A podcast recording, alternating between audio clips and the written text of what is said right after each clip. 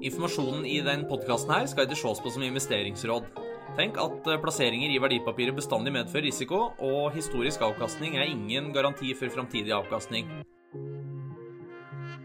Hei og velkommen til en fersk eh, episode av Pareto-podden. Mitt navn er Ola Alsberg, og i dag eh, er det industriaksjer som står på agendaen. Nå har det blitt en liten stund siden, siden sist podkast, men for å bøte på, på såret så har jeg har med et par av Paretos dyktige aksjeanalytikere. Kenneth Sivertsen og Carl Jørgen Flan, velkommen. Takk, takk. Dere utgjør vårt eh, norske industriteam her i Pareto. og Det er vel lov, kanskje lov å si at eh, sektoren ikke er mest, eh, mest, sexy der ute, men nå har den jo virkelig tatt seg opp de siste, de siste månedene og kan vise til en veldig god utvikling. Er det, er det artigere å være aksjeanalytiker nå som pilene peker riktig vei? Ja, absolutt. Det, sektoren som helhet avslutta 2020 på en egentlig relativt optimistisk fot. Man så liksom muligheter for med en vaksine, eh, en slags normalisering av eh, verden og samfunn og industrier, så, så bygde det seg opp en forventning om at du får inntjeningsvekst inn i løpet av 2021. Og, og man, eh, du får stadig, altså stadig flere industrier vende tilbake til en slags normal. Og det gjorde utslag i, i prisinga på aksjene. da. Mm. Og Det kan jo travle dager eh, nå i resultatsesongen. I forrige uke så kom Norske Skog og Borregaard med tall. Og uka her så er det Yara på tirsdag, onsdag kommer Elkem med tall. Uh, Kitron og Kongsberg er på torsdag, og så Runestad med Norsk Hydro på, på fredag. Det er, mye, det er, mye, spennende vi har i vente.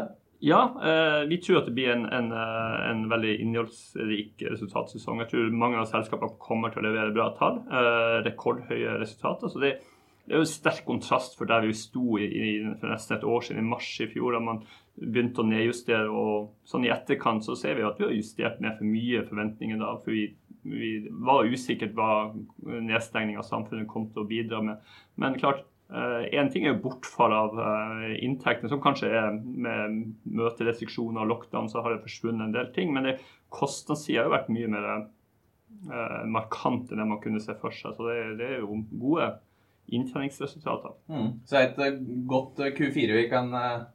Ja, det, det, varierer veldig på tvers, og det anbefaler jeg å se innenfor. men, men det er klart både Elkem kommer til å levere solide tall. Uh, Eh, Kongsberg Gruppen nok antagelig eh, historisk sterke tall eh, på EBDA, men også en ordreinntak som er på 10 milliarder. Så, så vi gjorde det enkelt for oss sjøl. 1 milliard EBDA og 10 milliard ordreinntak. Så, så det, det, er mange mye bra tall som kommer inn nå. Det er selvfølgelig noe, noe som legger Yara f.eks. i morgen. Har vi jo vel tatt ned forventningene noe da i forkant, men, men der er jo markedet i full fyr nå, da. Mm. Ja, for Du nevnte Elkem her, og Elkem sammen med Norsk Skog er vel blant Paretos top picks for, eh, for 2021. Eh, Elkem eh, lager hva, hva, skal man si, produkter som alle i hermetegn trenger. Silisium og råvarer til, til elektronikk. Det det er forholdsvis etterspurte varer? Ja, absolutt. Elkem er jo veldig sånn bred, bred eksponering på sluttmarkedet. Altså det brukes jo i ufattelig mye forskjellige produkter. Men de store industriene typisk bilindustri. da, og, og særlig når vi går inn mot EV, så, så vil jo, så vil jo uh, Elkem sine produkter i større grad benyttes. da, og så Den restart av bilindustrien, som med, lå egentlig nedstengt i deler av Q2 i fjor, kommer til å, å prege det her. Pluss at man, man, de, øker jo, de øker jo verdien på produktene. Går mer opp i high end eller høy enden, så du får jo uh, får mest sannsynlig bedre bidrag der også, uh, etter hvert som de tar opp, skalerer opp der. Men, men, men skal jo huske på at uh, du, du, er jo tidlig i sånn fase for dem i, i syklisk uh, gjenhenting. Og, og, det er jo et selskap vi tror med at gradvis normalisering av økonomi, så er det det selskapet får mest betalt for i aksjekurssammenheng. Um, mm. Men altså, utvikling av bilindustrien og elbilsalg, de er vel litt hva skal man si, følsomme mot, mot det? Hvordan, ja, hva er det som er viktige drivere for, for Elkem?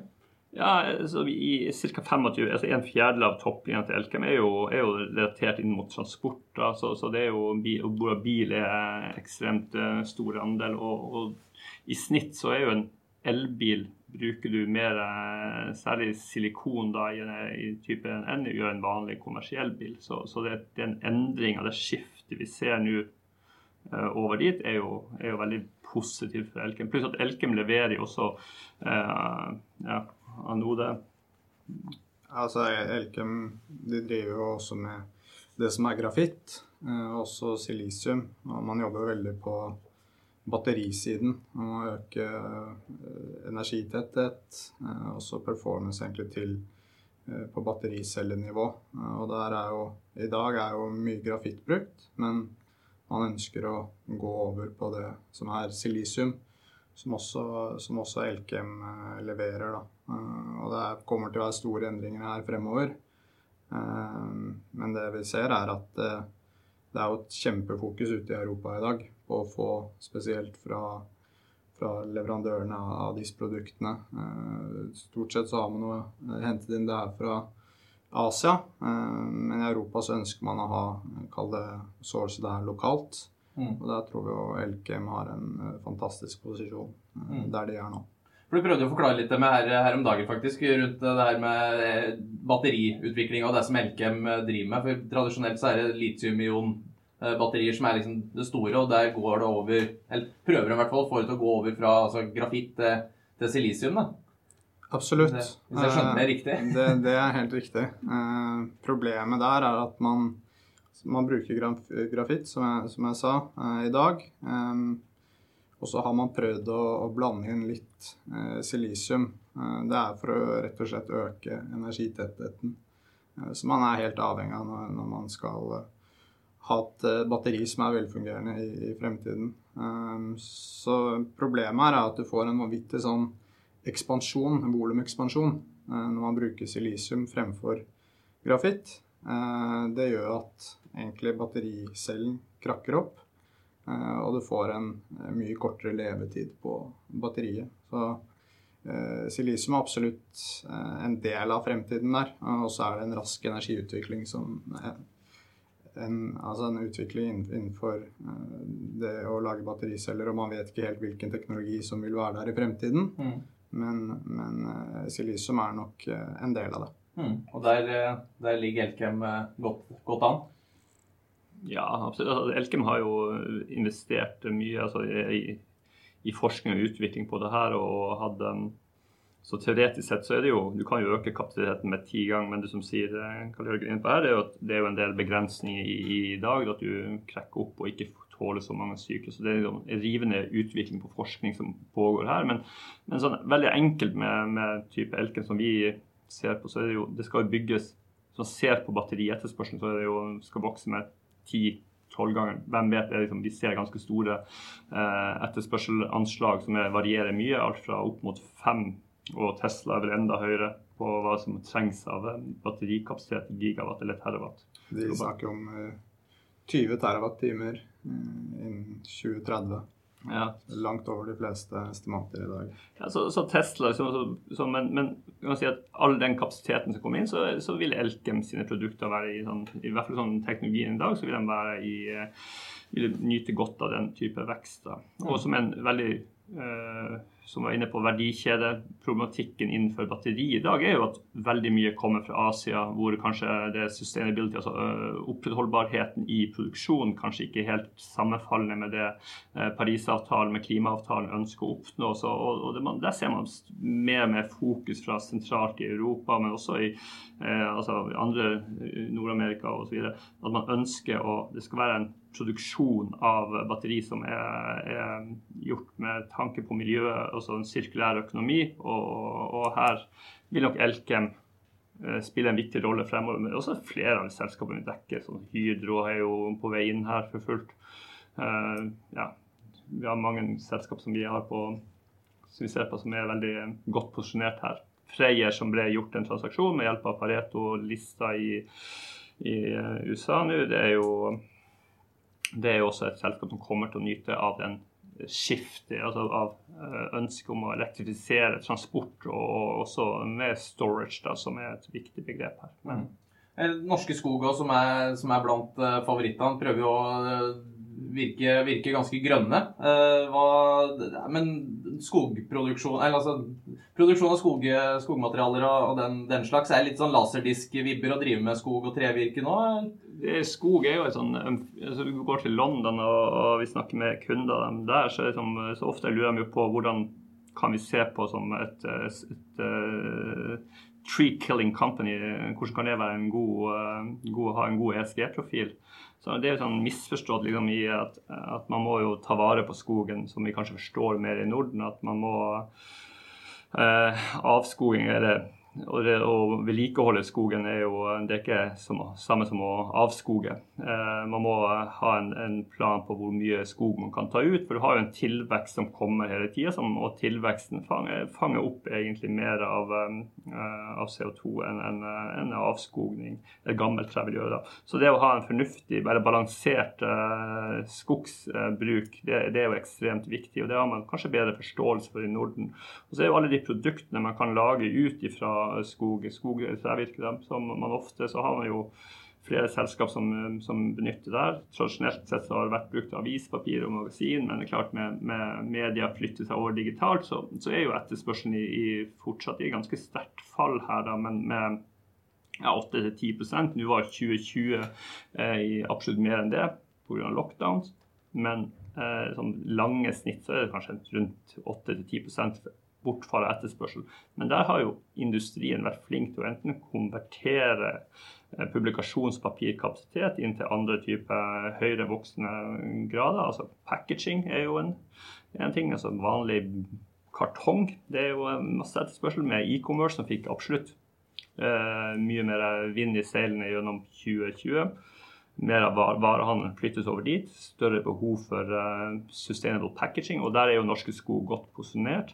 Så kan man benytte seg av skogen til alt fra biokompositt til eh, ja, det var jo Circa som vi er, bare for å ta en liten disclaimer der, vi er, vi er rådgivere for Norske Skog skal, um, skal, liste et selskap som heter Circa. De eier 32 av det, men, men, det er sånn type andre måter som kan eh, muliggjøre det av trevirke og biomassen. Da. Og Der har du jo Borregaard som et stjerneeksempel. Mm.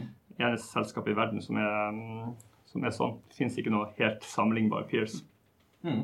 Ja, Du slapp jo, slapp jo tar nå, nå, i forrige uke. Slo, slo dine forventninger, blant annet? Ja, Karl Jørgen sine som ordna tallene.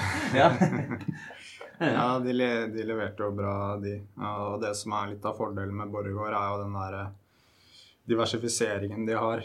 De har jo Jeg vet ikke hvor, hvor mange endeprodukter det her går ut i, men det er, det er det er vel en 700-800-900. Mm. Eh, så de har en fantastisk sånn, diversifisering, og, og, også på tvers av ulike industrier. Eh, og da, da gjør det at man selv om etterspørselen i, de leverer bl.a. inn mot eh, det som er konstruksjon og Når du har nedgang i enkeltsegmenter, så, så, så leverer Borregaard bra på, på, andre segmenter og klarer seg bra i, i tider hvor det er litt mer krevende enn andre. Mm. Et av poengene vi laga når vi tok opp uh, med så på nytt i lag, det var jo at det selskapet har en, en, lang historie, men har jo måttet omstille seg mange ganger. Og de viser den evnen til å eh, omstille seg hele tida, fornye seg.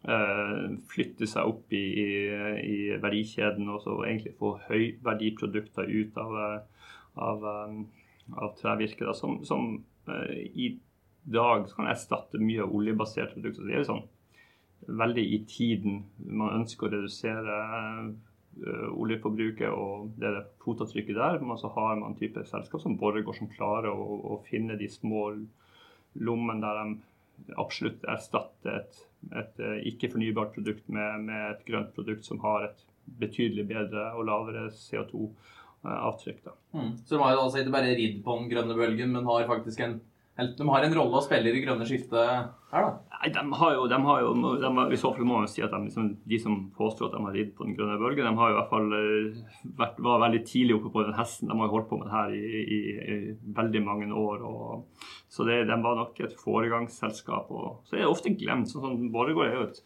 som jeg sier, det, som at det finnes ikke akkurat like selskap som Borregaard. Vi har uh, peer som vi kan bruke på forskjellige segmenter, men, men akkurat den sammensetninga, hvordan Borregaard er, det er noe helt um, unikt. da, Og, og er regna som globalt som topp rundt blant de 2% beste selskapene globalt på ESG. De er veldig gjennomgående høy kvalitet på alt fra rapportering til um, produkter, og også hvordan ledelsen og styret tenker rundt, uh, rundt uh, utviklinga her og hvordan de skal, hvordan skal vokse. Og det, har jo medført at du får en, en relativt bra prising, men vi, vi mener jo fortsatt det er oppside der, da. Eh, ja, for uh, nå har du ikke noe kjøpsanbefaling på, på 180 kroner aksjen. Og så nå i innspillende stund så handles den vel på rundt 170. Det er ikke så fryktelig mye mer å gå på, gå på da? Det er ikke veldig mye å gå på der, nei. Men uh, man må huske på at uh, det er jo mange som har vært litt redd for at Borregaard ikke vokser.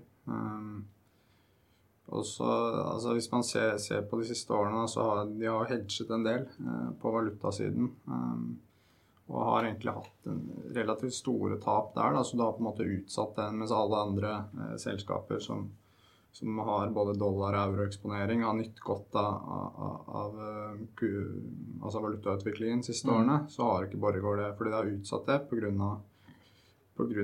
den hedgingen de gjør. Um, ja, De rett og slett sikrer seg mot uh, store valutasvingninger? da? Yes.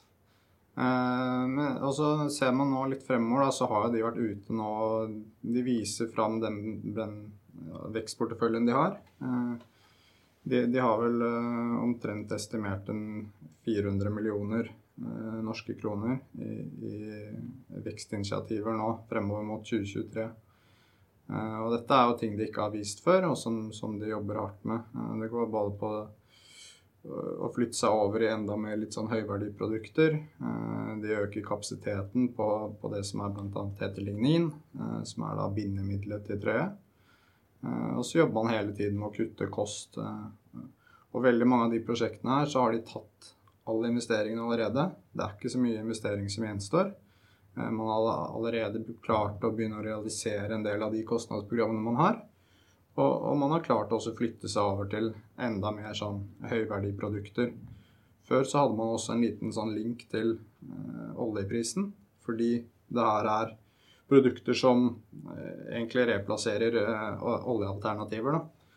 Um, men det har du klart å flytte deg vekk fra nå, og, og du drives egentlig ikke i det hele tatt av, av den oljeprisutviklingen. Uh, og begynner å få en ganske stabil pris på de produktene man selger. Mm. Så vi tror absolutt det er bra vekst i caset. Og, hvis man leverer nå på den porteføljen de tør å vise fram og tør å sette tall på, så, så skal det prises også mye høyere enn 180 kroner eh, aksjen. Mm. Et annet industriselskap som, eh, som, begynner å få en, en bygge, bygge, seg en bra grønn profil, er vel Norsk, eh, norsk Hydro, Kenneth. Der jeg og du spilte inn en video med Arvid Moss i, i Hydro Energy nå, for, nå på fornybarkonferansen vår for noen uker siden. De planlegger å børsnotere den fornybare virksomheten sin. Og, og det har andre spennende planer på gang i, i, Hydro? Ja, absolutt. Hydro er jo eh, De eh, sto jo mot presset for eh, noen år siden. og og står vel igjen nå som en av de få sånne eh, altså helintegrerte aluminiumsbilder. Men, men, så er det jo som du er inne på, de har jo en, en veldig spennende portefølje med innenfor fornybar energi. De har jo en lang historikk. Eh, i å, å, skjønne det markedet der, og har ekstremt mye kompetanse in-house der. Så liksom, eh, bare det de gjør nå, de bruker kompetansen sin på, egentlig på store prosjekter innenfor fornybar, bruker balansen sin. Uh, skal bygge opp nå over en gigawatt uh, mener jeg husker at det er, eh, kapasiteter på fornybar kraft. Så det er jo den som eventuelt snakkes om å børsnoteres. Mm. Så har du et samarbeid på batteri med, med Equinor og Panasonic, som også nå skal gjøre, komme tilbake til markedet i løpet av første halvår. Så det, det, er veldig mye spennende som skjer på, på, på den fornybare delen av selskapet ting som egentlig ikke har vært i fokus. Og, og, det er jo, Aksjemarkedet har ikke priset inn egentlig eh, litt sånn felles for hele industrisektoren. det at Industrisektoren som har eh, mye spennende prosjekter, har ikke altså Ingen av de prosjektene er sjelden at man ser at de prosjektene har noen verdi i aksjekursen i dag. Det er Stort sett så prises de selskapene egentlig på sånn fornuftige multiple avkastningskrav egentlig opp mot uh, historisk nivå. og og kanskje noen av selskapene vi ser på, er jo lavt. Og Hydro er et av de som er tilbake sånn ah, Prisbok 1 nå. Det er ikke spesielt verken, uh, dyrt eller billig. Og, og gitt den avkastninga de har levert på aluminium. Men, men, det impliserer i hvert fall at det er ikke noe verdi i markedet. I dagens aksjekurs er ikke noe verdi på den, den fornybare delen som skal mm. børsnotere. Så det er jo en oppside for de som har lyst der. da. Mm, ja, for det er kanskje lett å glemme, men Hydro er vel Norges tredje største kraftoperatør? Ja, mm. de har jo en uh, stor portefølje. Nå har de jo sluppet ut litt av kraften fra, fra Men har jo fortsatt eierandel til den, da, men, men klart sånn utgangspunktet 10 terawatt som de har. Så de er absolutt store, og de, i tillegg så kjøper de veldig mye kraft. De er en stor uh, aktør innenfor kraftmarkedet og har uh, veldig mye kompetanse der. da. Mm. Hvordan blir et utskilt Hydro Energy sammenlignet med andre selskaper i den, i den sektoren? Jeg tror den utskilte kommer også til å se mer sånn prising som alle Scatec Solar. Man ser der er som Du kommer til å ha en energiportefølje som av Nå er jeg litt usikker hva helt den energi, men som vi har forstått det, så er det både sol og vind. Så således kanskje ikke så ulikt Scatec. Eh, så jeg tror prisinga der kommer til å skille seg ut fra den eh, andre Hydro. Så det er jo litt i tråd med hvordan selskapet de senere åra har forsøkt å, å, å endre og få frem eh, å få frem verdier som ligger, er fryktelig mye verdier som ligger i Hydro. Mm. Men å få aksjemarkedet til å sette en pris på det, det er jo av og til en krevende øvelse. Og det her er jo en ledd i det. da. Så kan man si liksom at den, det som har, Nå har vi fått ny CEO og ny CFO, så, så kanskje fokus fra det nye fokuset har tatt bort er bigger.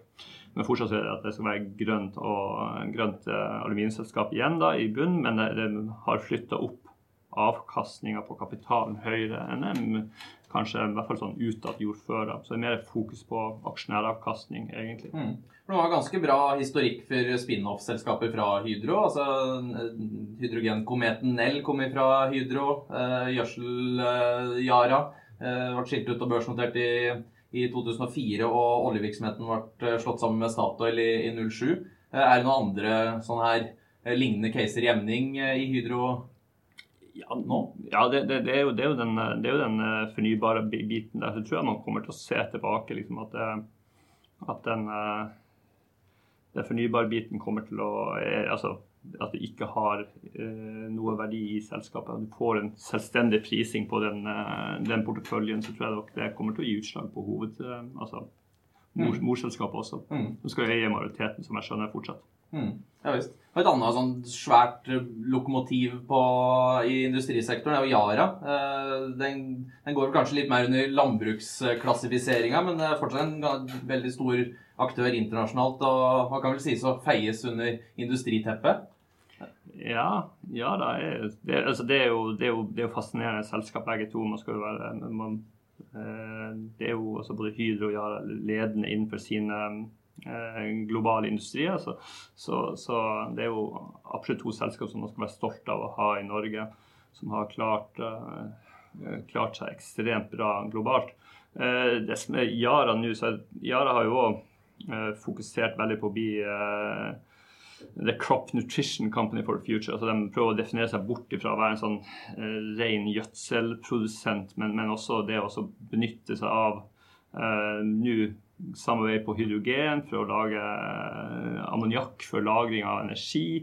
Eh, det er et litt lengre spill, men, men klart, de, de hele tida prøver å ligge langt fremme og fornye seg sjøl. Eh, så enn så lenge så er jo markedet veldig fokusert på, på det underliggende gjødselmarkedet, og priser der, som, hvordan er økonomien til bonden gjennom soft commodity. Så det, det er jo der aksjen handles veldig på sånn ja, på running, eh, egentlig på dagens inntjening. egentlig. Det er ikke noe sånn Du priser ikke inn sånn noe revolusjon, revolusjon innenfor hydrogen og lagring der. Det, det, det vises ikke. Så, eh, men klart, akkurat per dag så er det jo full fyr i, i, i gjødselmarkedet. Det er mye dreven av at bonden har bedre økonomi. Soft commodity-priser er kommet opp eller på nivåer de ikke har sett siden 2014. Uh, og det er fortsatt mye å gå på. Der tror vi at det strammer seg til. altså Urea-markedet kan godt se nok ut til å være høyt for litt lengre, men mest sannsynlig skal estimatene uh, opp ut ifra den utviklingen som har vært på priser den siste måneden. Men, men så det, det, er nok en aksje som kommer til å Vi har ikke så mye oppside der heller på, til aksjekursen vår, men, eller målkursmålet, men, men, det er nok en aksje som blir å gå mye mer på momentum enn en, en noe annet. da. Mm. Men eh, det er vel ikke alt som, eh, som spirer og gror, eller? Tomra, Karl Jørgen, er vi, er vi, har vi kommet med noe negative utsyn eh, på? Det er veldig populær blant mannen i, mannen i gata. og Det går vel an å si at du, du liker selskapet, men, men prisinga er litt, litt, for stram?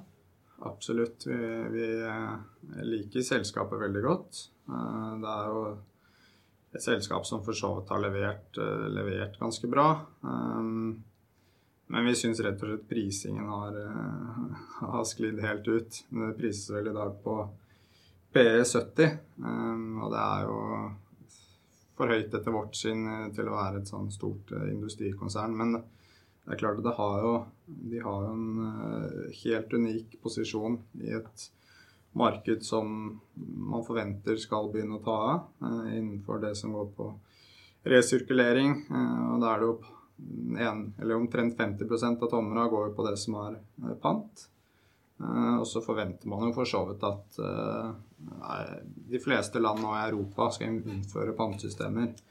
Pantesystemer er jo noe vi er godt kjent med i Norge, men, men, det er ikke så fryktelig mange land som har slike systemer. Og det vil man nok se nå. Man har jo satt diverse ambisjoner innad i, innad i EU eh, om hvor mye som skal resirkuleres. Eh, og da er man nok avhengig av pantesystemer.